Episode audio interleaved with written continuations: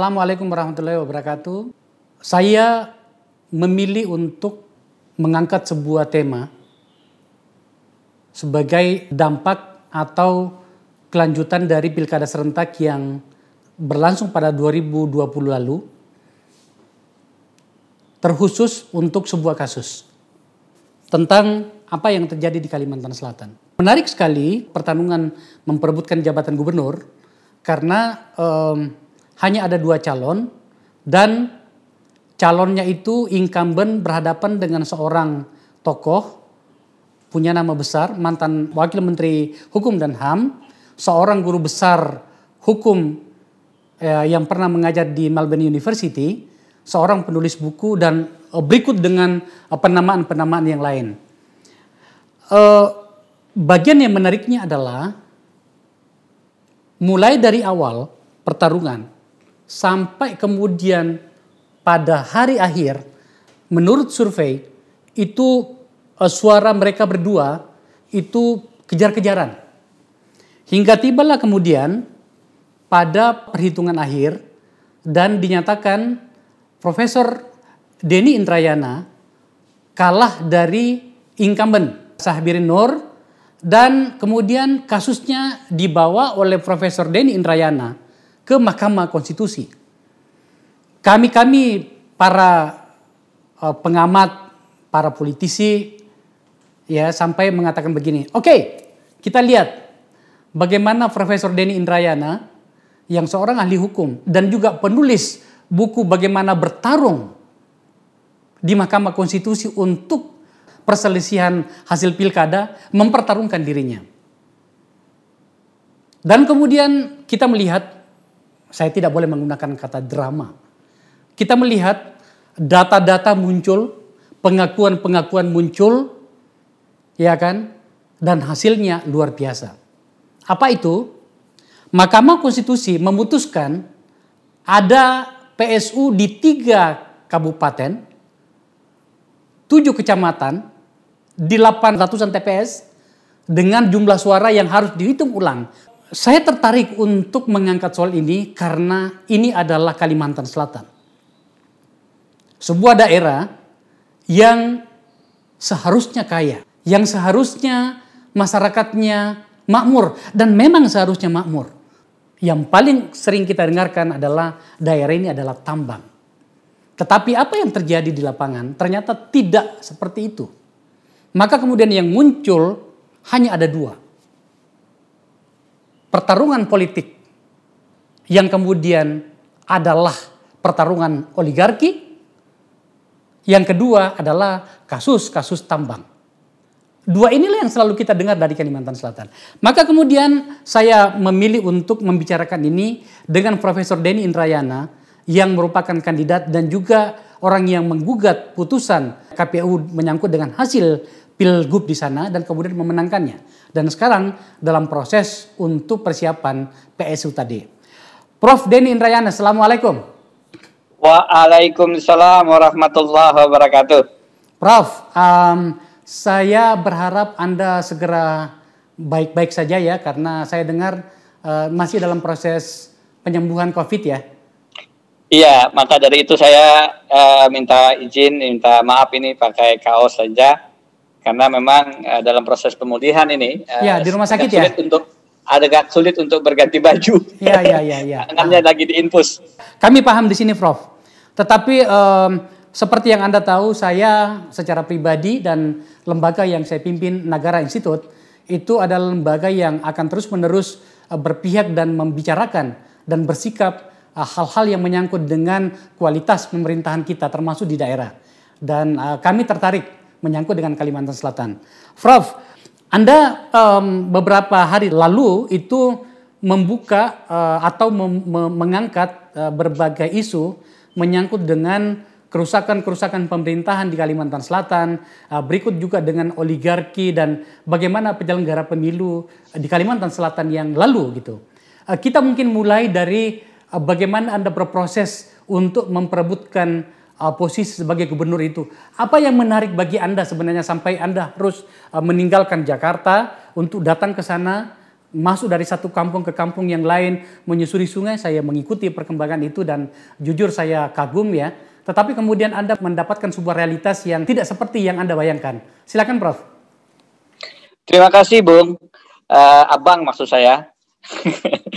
Bang Akbar uh, terima kasih juga buat Nagara Institute yang berkenan untuk mengangkat topik ini uh, karena di tengah banyak sekali topik-topik nasional yang menarik uh, saya merasa ini uh, pilihan yang uh, bijak dari Bang Akbar karena mungkin mengerti situasinya sebagaimana tadi Bang Akbar sampaikan.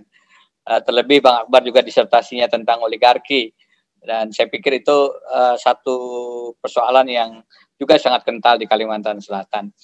Jadi kalau ditanya kenapa saya akhirnya memutuskan untuk masuk terjun ke dalam uh, pemilihan gubernur ini ada dua alasan alasan emosional pribadi, tetapi juga ada alasan yang juga rasional. Emosional karena ini tanah kelahiran saya. Saya lahir di Kota Baru, uh, Pulau Laut, uh, di satu desa yang namanya Stagen. Dan Kota Baru ini adalah uh, pulau yang boleh dikatakan semacam Maduranya Jawa lah begitu. Dia ada di sebelah tenggara Kalimantan Selatan dan pulau kecil tapi kaya raya.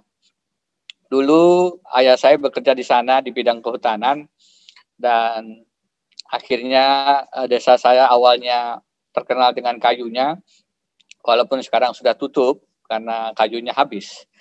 Dan sekarang beralihlah Pulau Laut itu menjadi salah satu primadona untuk tambang batu bara. Uh, saya sedang menangani satu masalah uh, lahan sawit di mana uh, perusahaan di mana lahan-lahan sawit dari petani plasma itu sedang diambil alih oleh perusahaan MSAM, PT MSAM. Uh, jadi ada persoalan lahan banyak sekali di sana terkait dengan tambang batu bara dan lahan sawit. Uh, itu itu yang menyebabkan saya merasa ini tanah kelahiran saya. Saya sejak SMA tahun 91 lulus, artinya sudah sekitar 30 tahun meninggalkan tanah kelahiran melalang buana sekolah dan bekerja di Amerika, di Australia, di Jakarta, di Jogja. Uh, mungkin saatnya untuk saya kembali mengabdi kepada tanah kelahiran saya sendiri. Itu alasan itu alasan emosionalnya. Uh, sedangkan alasan rasionalnya adalah sedikit banyak uh, saya dengan rekan-rekan uh, di Fakultas Hukum UGM, uh, itu dari awal concern betul dengan praktek-praktek uh, keadilan yang uh, terjalimi dengan mafianya, uh, korupsi, sehingga kami membentuk dulu di Jogja saya bikin LSM namanya Indonesian Court Monitoring uh, tahun 2000, kemudian di tahun 2006 saya kembali dari S3 dan mendirikan Pukat Korupsi Fakultas Hukum UGM, Pusat Kajian Anti Korupsi Fakultas Hukum UGM. Jadi di samping berbicara tentang konstitusi sebagai akademisi di bidang hukum tata negara, saya juga uh, punya pemikiran, saya melihat praktek-praktek korupsi itu, bad governance itu sangat uh, nyata ada di depan mata di Kalimantan Selatan sehingga uh, akhirnya meskipun baru membuka kantor pengacara di Jakarta sejak 2019 baru aktif dengan pertimbangan-pertimbangan yang uh, berhitung, melihat hasil survei awal, baca peta, akhirnya saya memutuskan untuk terjun payung uh, ke dalam pemilihan gubernur Kalimantan Selatan. Terjun payung dengan hitungan ada ada payung cadangan juga, ada parasut cadangan juga. Dengan dengan hitungan memang kesempatan menang itu ada. Salah satunya karena saya membaca sebenarnya banyak silent majority masyarakat Kalimantan Selatan yang ingin perubahan. Nah, itulah uh, apa alasan emosional saya memang lahir di sini. Kedua, concern saya selama ini tentang good governance dan anti korupsi menemukan tantangannya dan uh, di samping juga bacaan peta hasil survei yang menunjukkan kemungkinan menang dan angin perubahan itu sebenarnya ada di masyarakat pemilih Kalimantan Selatan. Perpaduan semua itu uh, Bang Akbar yang menyebabkan saya kemudian uh, memutuskan bukan bukan pilihan yang mudah ya. Karena yang dihadapi adalah petahana dengan segala resourcesnya uh, yang tentu punya keuntungan-keuntungan sebagaimana kita sama-sama pahami. Prof, um, saya tentu saja mengenal Anda. Dan kami teman-teman Anda itu um, sebenarnya banyak yang bingung uh, kenapa kenapa Anda mau uh, turun ke sana. Karena kan kita tahu, semua orang tahu Prof Denny Indrayana bukan orang kaya Saya mengenal Anda dengan sangat baik. Ya kan?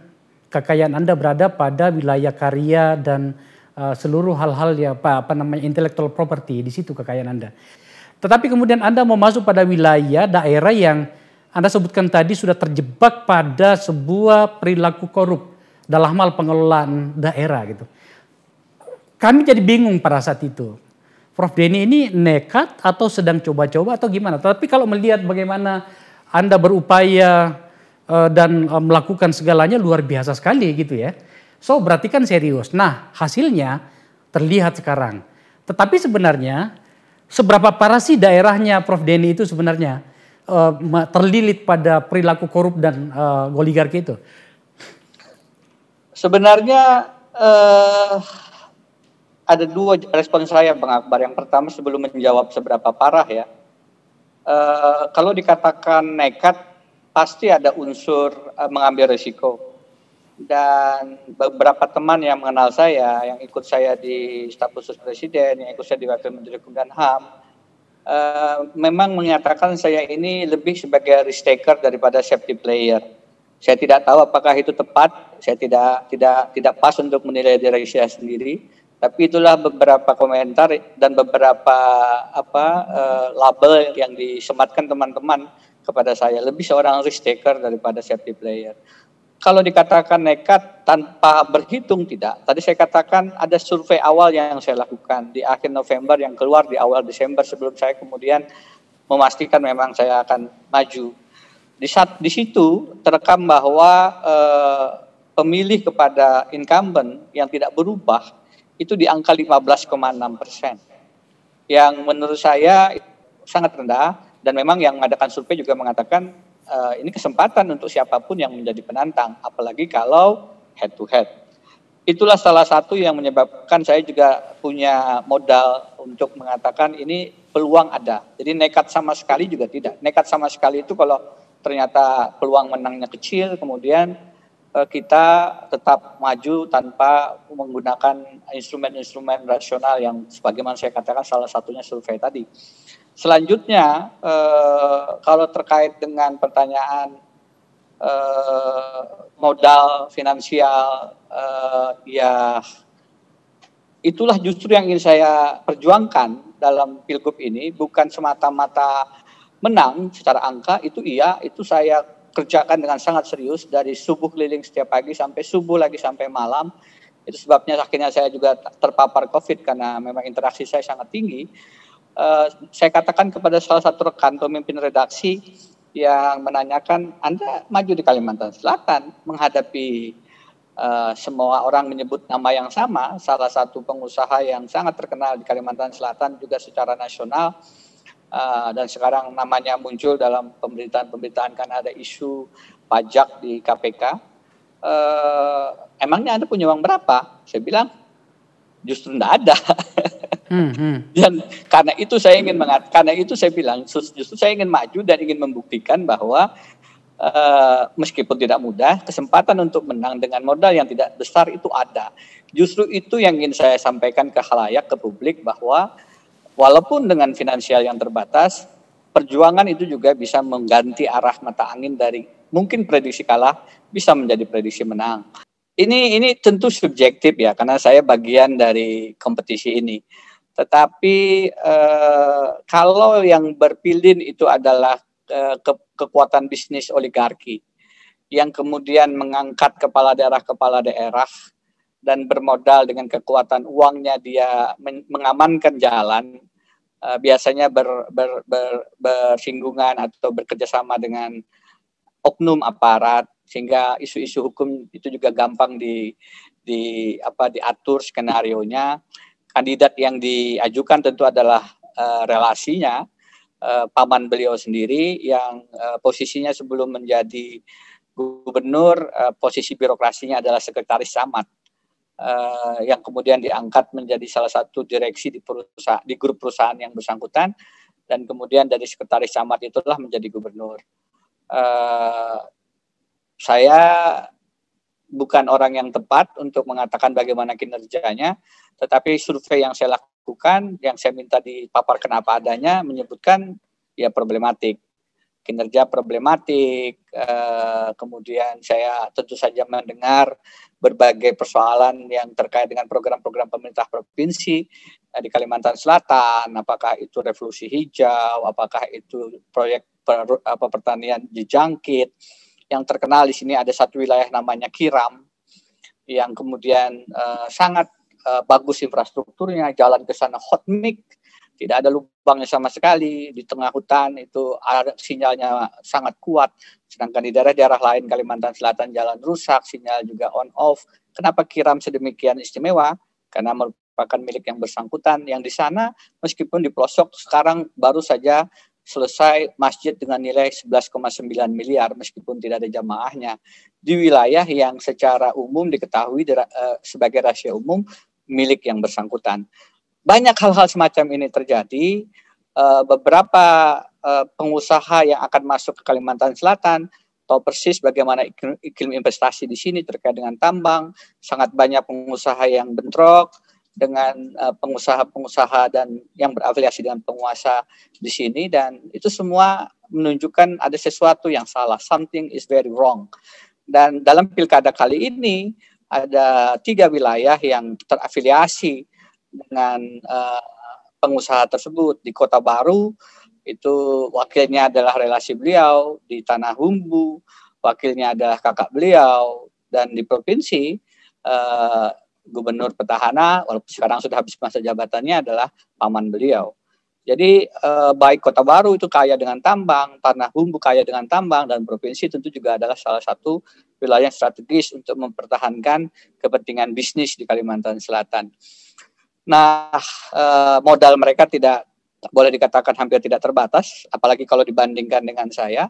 Dan itu yang menyebabkan orang eh, meletakkan saya dalam posisi underdog yang yang saya syukuri saja. Dan bahwasanya kemudian kami mendapatkan suara yang sedemikian, rupanya mengejutkan banyak orang. Yang tidak dihitung oleh banyak orang adalah dua hal. Satu, eh, tadi silent majority sebenarnya sudah dalam posisi ingin ada perubahan. Uh, yang kedua, karena saya punya wakil gubernur yang punya saudara di hampir semua wilayah di Provinsi Kalimantan Selatan. Itu keunikan wakil gubernur saya. Dia punya dia jalan ke mana ketemu saudaranya. Saya jalan ke mana di pelosok di tengah uh, tempat yang saya harus tempuh dengan uh, berkelotok itu perahu kecil tadi menyusuri sungai menyusuri laut sebagaimana Bang Akbar lihat itu di pelosok-pelosok pedalaman itu saya ketemu saudara wakil gubernur saya jadi dua faktor itu sebenarnya sangat membantu saya uh, silent majority yang ingin perubahan dan uh, dan relasi dari wakil gubernur saya yang ada di hampir semua wilayah. kira kira-kira itu Bang Akbar yang uh, ingin saya sampaikan. Jadi Kalimantan Selatan ini kalau dari sisi teman-teman Walhi darurat tata ruang dan darurat kebencanaan itu semua disebabkan karena uh, praktek tata pemerintahan yang buruk dan koruptif. Tahapan yang Anda sudah lalu itu sudah jauh, uh, saya rasa juga pertarungan itu sudah terbuka juga. Kita pengen uh, sebuah analogi atau barangkali penjelasan yang lebih detail, seperti pertanyaan saya tadi, sebenarnya bagaimana sih kekuasaan korup itu terjadi di sana? Mungkin kita bisa mulai dari sini, Prof. Sebenarnya Kalimantan Selatan itu kayanya di bagian apa? Kalau dia tambang, berapa luas lahan tambang sekarang, eh, kan? Kemudian eh, siapa saja yang bermain dan kemudian berapa yang disumbangkan ke negara dari seluruh proses-proses ini yang merupakan kewajiban atau hak negara di dalamnya. Itu yang orang pengen tahu, Prof. Iya, uh, Bang Akbar, datanya saya tidak hafal ini, uh, tapi yang pasti uh, kalau dalam posisi normal nilai batu bara saja itu uh, hitung-hitungannya tentu dengan harga yang saat itu ya satu dua tahun yang lalu 200 triliun per tahun. Uh, tentu up and down tergantung tergantung harga harga batu bara. Uh, yang yang kami sering kutip adalah data teman-teman Walhi yang mengatakan lebih dari separuh luas Kalimantan Selatan itu sudah terbagi untuk lahan perkebunan dan lahan tambang dan itu yang menyebabkan teman-teman walhi kemudian mengklasifikasikan ini walhi Kalimantan Selatan bahwa Kalimantan Selatan sudah menjadi daerah yang darurat tata ruang karena hmm. sudah kacau balau tata ruangnya sebenarnya bukan ciri khas Kalimantan Selatan saja. Kalau kita lihat tata ruang hampir secara nasional menjadi isu. Uh, yang kedua darurat kebencanaan. Jadi kalau kita lihat kemarin ada banjir yang sangat besar, tentu ada kontribusi dari hujan yang volumenya sangat tinggi, itu tidak bisa dipungkiri. Tapi di sisi lain saya setuju dengan Ibu Dwi Korita, Ketua BMKG yang mengatakan uh, kebencanaan itu juga makin parah kalau daya dukung lingkungannya makin rusak. Nah, Kalimantan Selatan uh, kemarin sempat sedemikian parah, bahkan ada yang terendam rumahnya sampai empat bulan, tidak bisa ditinggalin, bukan hanya sehari dua hari, empat bulan, dan itu sayangnya tidak terekspos dengan baik di secara nasional. Itu disebabkan karena bukan hanya curah hujan yang tinggi, tapi daya dukung lingkungan yang sudah sangat rusak. Nah, uh, apa kontribusi terhadap Provinsi Kalimantan Selatan Eh, dari hasil-hasil tambang, lahan sawit tentu sangat bisa dipersoalkan. Uh, misalnya saja reklamasi tidak berjalan dengan baik. Uh, rekan-rekan Walhi Jatam mencatat uh, Kalimantan Selatan adalah provinsi kedua yang uh, reklamasinya tidak berjalan. Kalau di Kalimantan Timur yang nomor satu itu lebih dari seribu lubang tambang yang tidak direklamasi. Di Kalimantan Selatan itu lebih dari 814 lubang tambang yang tidak direklamasi dan itu artinya ada persoalan karena sebenarnya harusnya ada uang yang disetorkan sebagai jaminan bagi pelaksanaan penambangan. Salah satunya adalah uang untuk mereklamasi. Nah, kalau ada 814 eh, lubang tambang yang tidak ditutup, maka itu menjadi persoalan. Ada satu cerita menarik yang uh, saya dapatkan dari seorang kawan kemarin saya terakhir ke Jakarta. Uh, dia mengatakan suatu ketika uh, membantu uh, Ibu Siti Nurbaya yang kunjungan kerja ke Kalimantan Selatan. Dan uh, untuk supaya Ibu Siti Nurbaya bisa melihat bagaimana kawasan hutan di Kalimantan Selatan, dia punya ide untuk mem, mem, apa, membantu mencarikan helikopter. Dia kontaklah salah satu pengusaha yang punya helikopter di Kalimantan Selatan dengan mendapatkan respon yang yang yang dimarahin dia. Lah gimana Anda menyuruh Ibu Menteri Kehutanan lihat dari atas udara kelihatan semua borok-borok kita di sini katanya akan kelihatan betapa rusaknya uh, uh, lahan Kalimantan Selatan akibat tambang ya jangan jangan suruh naik helikopter.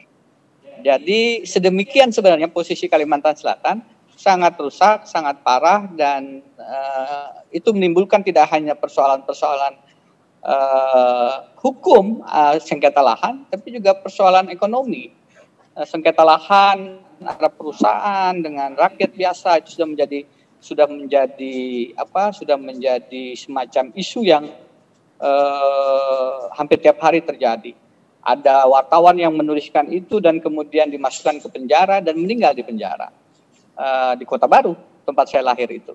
Eh, ada dua wartawan kedua yang juga kemudian menulis sengketa lahan dengan perusahaan, yang sama, pengusaha yang sama, dan masuk penjara lagi. Akhirnya di, diadvokasi dan alhamdulillah tidak ada kejadian apa-apa, tapi yang pertama sempat meninggal. Jadi uh, ini persoalan-persoalan yang kalau ditelusuri akan sangat uh, berbahaya Kalimantan Selatan posisinya. Dan saya tentu saja uh, menangkap keurgensian itu dan memilih untuk mengambil langkah-langkah yang semampu saya uh, untuk bersama-sama dengan barisan masyarakat yang ingin perubahan. Ngeri sekali mendengar ceritanya itu, Prof secara secara ekonomi sendiri Kalimantan Selatan mendapat berapa besar ya kalau boleh tahu ya? Katakan misalnya mungkin dari apa itu dari pajak atau sejenisnya gitu dari tambang-tambang yang tadi Prof katakan nilainya sekitar 200 triliun setiap tahun? Iya, ini ini ini terkait dengan angka ya, uh, Mas Akbar. Saya belum ber, belum berani menyebutkan karena saya ini diserang betul kalau masalah angka-angka. Baru saja saya disibukkan dengan satu isu yang saya mengatakan ada uh, di Banjarmasin ada survei yang mengatakan 70% warga memilih karena uh, preferensi diberikan uang. Uh, saya ingin mengangkat itu sebagai isu melawan politik uang. Uh, tapi kemudian dibalik karena uh, berita yang saya kutip itu anonim. Satu berita lokal mengangkat itu uh, dari sumber yang tidak mau disebutkan namanya karena uh, surveinya sendiri memang perjanjiannya tidak dipublikasikan. Uh, surveinya saya kontak ada tapi tidak publikasi. Akibatnya saya dinyatakan menyebarkan berita bohong. Hmm, hmm. Jadi masalah angka-angka ini sekarang sensitif sekali. Nah, uh, saya uh, kesulitan untuk mengingat detail ini, uh, tidak ada di hadapan saya. Tapi yang pasti kecil lah. Dan salah satu yang ingin saya lakukan adalah memperbaiki itu, memperbaiki hak-hak warga Kalimantan Selatan uh, supaya kesenjangan antara yang kaya dan miskin ini betul-betul bisa kita perkecil. Yeah. Ini ini amanat pasal 33 yang uh, sekali lagi uh, tidak berjalan di lapangan. Kita punya utang luar biasa dengan para founding parents kita terkait bagaimana amanah pasal 33 tentang bumi, air dan kekayaan alam terkandung di dalamnya itu dikuasai oleh negara untuk sebesar-besar kemakmuran rakyat. Kemakmuran rakyat Kalimantan Selatan, kalau kalau Bang Akbar datang ke Kalimantan Selatan, menyusuri Sungai Barito, Bang. Hmm. Sedih ya? sekali, Bang. Sungai Barito itu tongkang, hampir tiap saat lewat, Bang. Tapi di sepanjang Sungai Barito itu masyarakat Kalimantan Selatan masih membuang air di jambat-jambat terapung, Bang. Saya paham. Ini tidak adil. ini tidak adil bang. Rakyat Kalimantan Selatan berhak berhak untuk mendapatkan kehidupan yang lebih layak. Ya, ya. Saya, saya paham. Saya, merasakan apa namanya kegalauan Prof Denny menyangkut soal itu. Nah makanya sebenarnya uh, kami menjadi uh, kaget, heran dan juga kemudian kagum ketika kemudian hasilnya hasil pilkada serentak kemarin itu ternyata kalau nggak salah itu bedanya hanya berapa ribu ya Prof ya? 8 ribu ya? Uh, perbedaan angkanya 8.127. Kalau di persentase angkanya 0,48 persen. Itu. Nah, makanya uh, artinya uh, kita tidak pernah menyangka eh, teman-teman yang memantau pilkada-pilkada termasuk kami di Negara Institut tidak pernah menyangka bahwa uh, selisihnya akan setipis itu pada saat Anda menghadapi oligarki yang maha kuat, oligarki yang maha hebat dan uh, disparitas saya menggunakan kata disparitas pembiayaan antara Anda dengan lawan Anda itu yang langit dan bumi karena saya cukup paham lah. Nah, sebenarnya eh, kenapa kalau boleh tahu sebelum kita masuk pada material gugatan Anda di Mahkamah Konstitusi, eh, kenapa tiba-tiba eh, masyarakat Kalimantan Selatan tiba-tiba melihat eh, ini ada ada apa ya ada harapan baru sampai kemudian memberikan kepercayaan itu meskipun hasil pada pilkada yang lalu itu Anda kalah 8 ribuan, tapi kan kita bisa membaca bahwa kelihatannya ada kejenuhan dari masyarakat melihat situasi yang ada. Kalau kita baca dari konteks politik ya. Kejenuhan itu itu kalau saya boleh katakan konkret itu bang. Hmm. Karena begini, satu uh, tadi survei bulan Desember uh, elektabilitas petahana itu hanya 15,6 persen. Uh, dua, survei saya terakhir sebenarnya itu uh, popularitas saya tidak sampai 20 persen.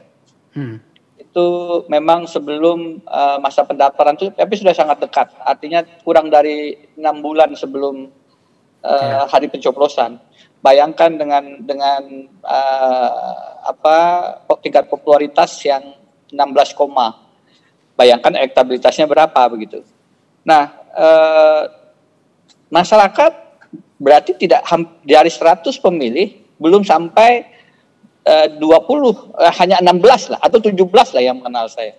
Tapi kenapa saya kemudian bisa dapat suara sedemikian? Artinya mereka tidak lagi memilih berdasarkan mengenal karena saya ternyata belum dikenal berdasarkan survei itu. Uh, tetapi lebih memilih suara perubahan. Dan itu itu adalah bentuk perlawanan yang saya rasa sekarang sekarang lebih lebih menguat. Karena sekarang survei terakhir kami di Maret kemarin, awal April, itu tingkat pengenalan kepada saya sudah hampir di angka 90 persen.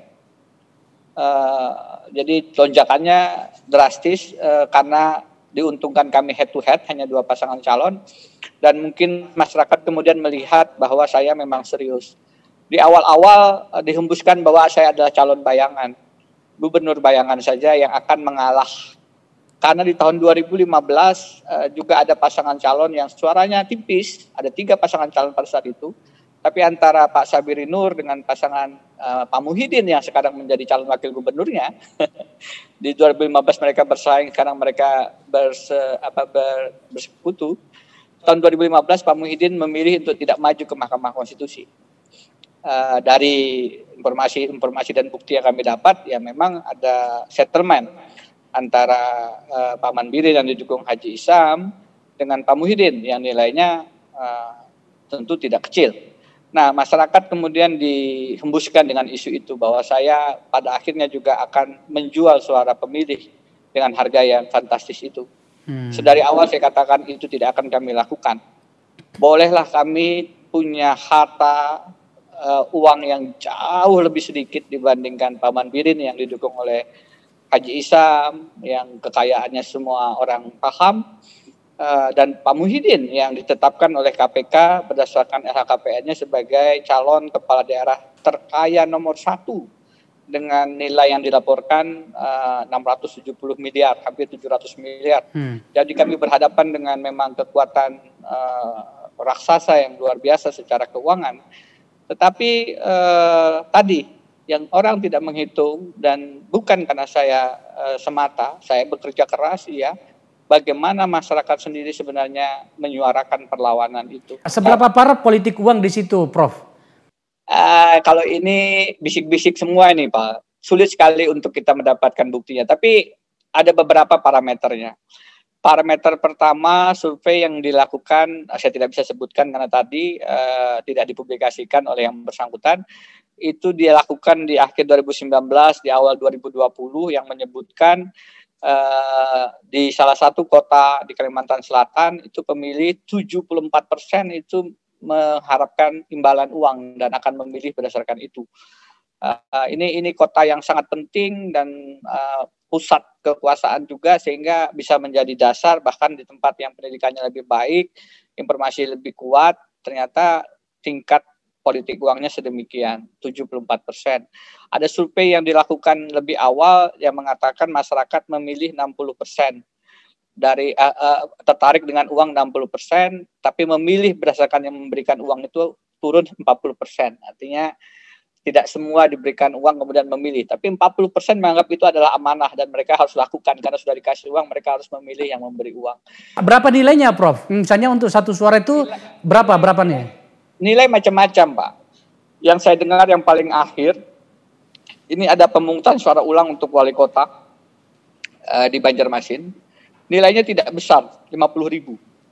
Oh. Tapi itu berpengaruh juga uh, menurut informasinya terhadap pemilih uh, ada yang mengatakan nilainya 100, ada yang mengatakan 200. Di daerah Tanah Bumbu kemarin terjadi uh, pertarungan yang uh, raksasa antara satu calon yang didukung oleh kekuatan Haji Isam karena Haji Isam tinggal Tanah Bumbu dan satu calon lagi mendukung uh, saudaranya uh, Mardani Haji Maming kakaknya maju sebagai calon bupati dua-duanya punya kekuatan uang, kekuatan modal, uh, bisik-bisiknya nilainya juga tinggi sekali di sana.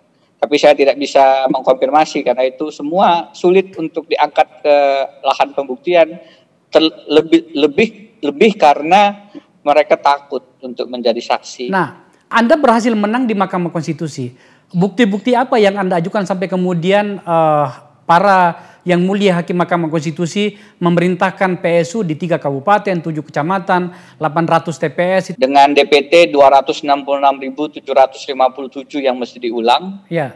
Uh, 169.000 lebih yang dianulir. Uh, Dalam posisi seperti itu saya sekarang uh, dengan suara tersisa di tempat-tempat yang tidak dianulir yang tetap dihitung sebagai suara sah itu saya unggul 22.000 lebih sekarang.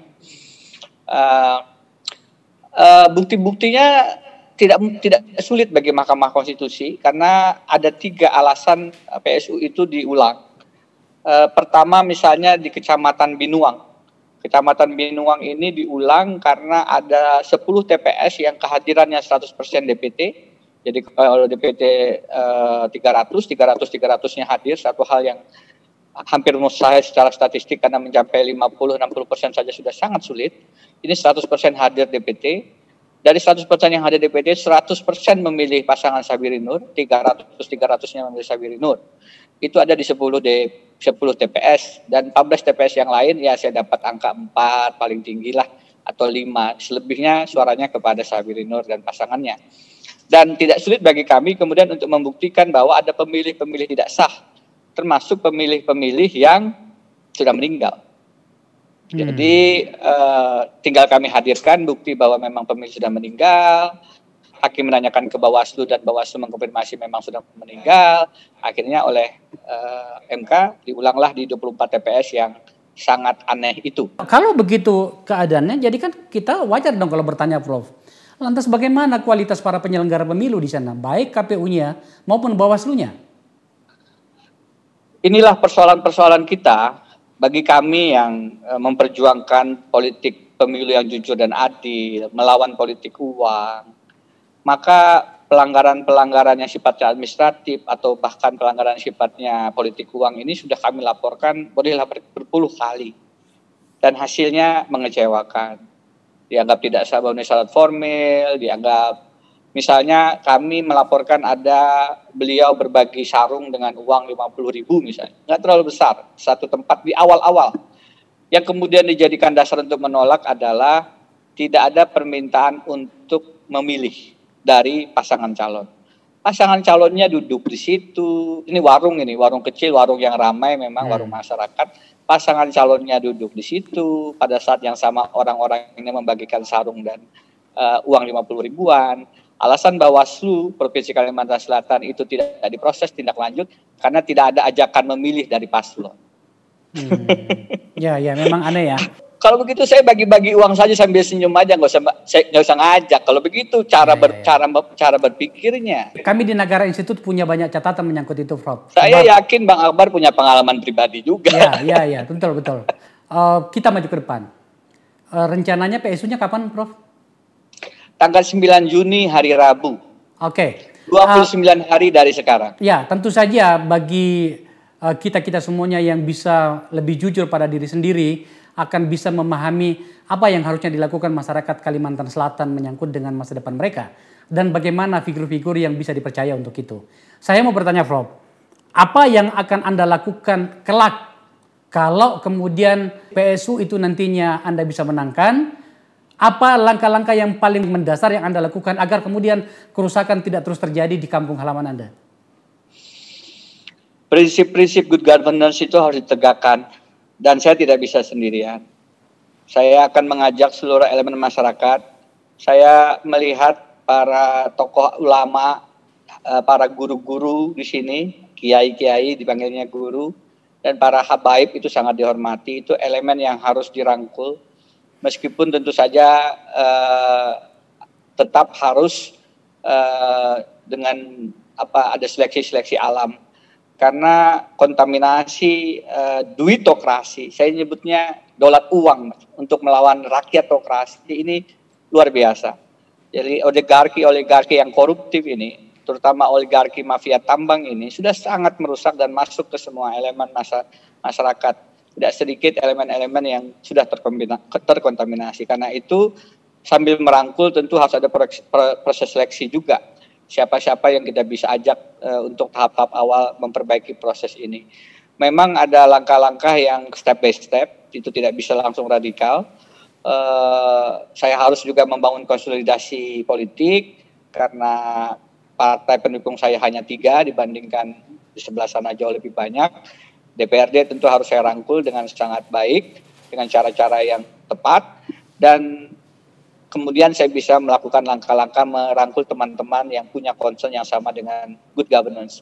Saya membayangkan Kalimantan Selatan harus punya fondasi dalam tiga, tiga tahun masa pemerintahan tersisa sampai 2024 untuk menjadi pilot project bagaimana seharusnya good governance yang anti korupsi yang mesejahterakan rakyat itu diletakkan KPK yang saya harap masih bisa uh, menjadi satu lembaga yang uh, ya orang sekarang agak mempertanyakan tapi di luar KPK juga kita kesulitan untuk mencari lembaga-lembaga yang mungkin bisa membantu meletakkan prinsip-prinsip ini. Tentu teman-teman LSM juga akan kami bawa, ICW, Pukat, Negara Institut. Saya harap teman-teman di negara dan Bang Akbar yang punya apa uh, konsep uh, yang yang sangat lengkap di dalam disertasi Abang saya yakin akan punya apa kesempatan potensi untuk ikut berperan membantu saya di Kalimantan Selatan, Bang. Ya. Kita dudukkan, kita letakkan betul bagaimana prinsip pemerintahan yang baik bagi investasi, uh, ramah terhadap lingkungan, tidak merusak, ramah investasi, ramah lingkungan dan mensejahterakan rakyat Kalimantan Selatan. Ya, uh, Prof, uh, pertanyaan terakhir dari saya. Ini pertanyaan banyak orang yang harus saya sampaikan kepada Anda dari dengan melihat uh, kredibilitas Anda selama di ruang publik sebagai pejabat negara dan karya-karya intelektual Anda dan kemudian kita bawa masalahnya pada kerusakan di Kalimantan Selatan yang seperti yang Anda jelaskan tadi. Apakah Anda akan melakukan bypass pemotongan secara ekstrim pada jaringan dan tentakel-tentakel oligarki agar kemudian uh, Anda bisa membawa masyarakat Kalimantan Selatan pada sebuah fase yang lebih cepat dari yang uh, kita bayangkan? Langkah apa yang akan kita lakukan tergantung seberapa siap kita sendiri dan masyarakat, Bang Akbar. Saya ingin proses perbaikan itu cepat, tapi pada saat yang sama saya juga berhitung apakah kecepatan akselerasi itu uh, tidak membuat efek kejut yang uh, juga buruk. Jadi saya akan berhitung betul uh, akan ada langkah-langkah step by step uh, bypass uh, untuk saat ini tentu adalah opsi tapi bukan pilihan yang menurut saya saat ini saya hitung bukan pilihan yang tepat. Saya tetap ingin menjaga uh, perubahan yang cepat tapi tidak merusak stabilitas di Kalimantan Selatan yang yang tadi saya katakan saya harus juga merangkul rekan-rekan politik di DPRD provinsi dan seterusnya. Tapi bukan berarti tidak ada penertiban, bukan berarti tidak ada percepatan. Ya, baik. Prof, uh, saya doakan niat baik Anda untuk memperbaiki kampung halaman uh, sukses dan uh, mencapai target-target uh, konstitusi seperti yang sering kita berdebatkan bersama. Saya tentu saja sangat berharap masyarakat Kalimantan Selatan setidaknya untuk tertunduk sejenak, membayangkan masa depan uh, kampung mereka tentang bagaimana harusnya daerah ini berkembang dan bersama dengan provinsi-provinsi lain bertumbuh dengan luar biasa. Sebab Kalimantan Selatan sangat punya potensi untuk itu. Prof Denny tentu saja sebagai kawan Anda saya doakan sukses ya dan jaga kesehatan segera sembuh karena uh, Anda tidak bisa melakukan banyak hal dalam kondisi terkurung di rumah sakit seperti ini Prof ya. Ya salam untuk Nyonya Prof. Terima kasih banyak Bang Akbar. Ya. Terima kasih banyak. Ya baik. Uh, pemirsa Akbar Faisal Sensor, Demikian obrolan saya dengan sahabat saya, seorang uh, pemikir, seorang tokoh yang sekarang ini sedang mencoba menerjemahkan seluruh pikiran-pikirannya yang uh, luar biasa untuk membangun kampung halamannya. Uh, kita berdoa agar niat-niat baik yang muncul dan datang dari orang-orang baik itu juga memenangkan uh, pertarungan dengan cara yang bermartabat. Inilah yang bisa kami lakukan dan selalu kami lakukan di Negara Institut, lembaga yang saya bersama dengan teman-teman menyuarakannya sejak setahun lebih. Demikian, terima kasih telah menyaksikan acara ini. Wabillahi taufiq wal hidayah. Assalamualaikum warahmatullahi wabarakatuh. Waalaikumsalam warahmatullahi wabarakatuh.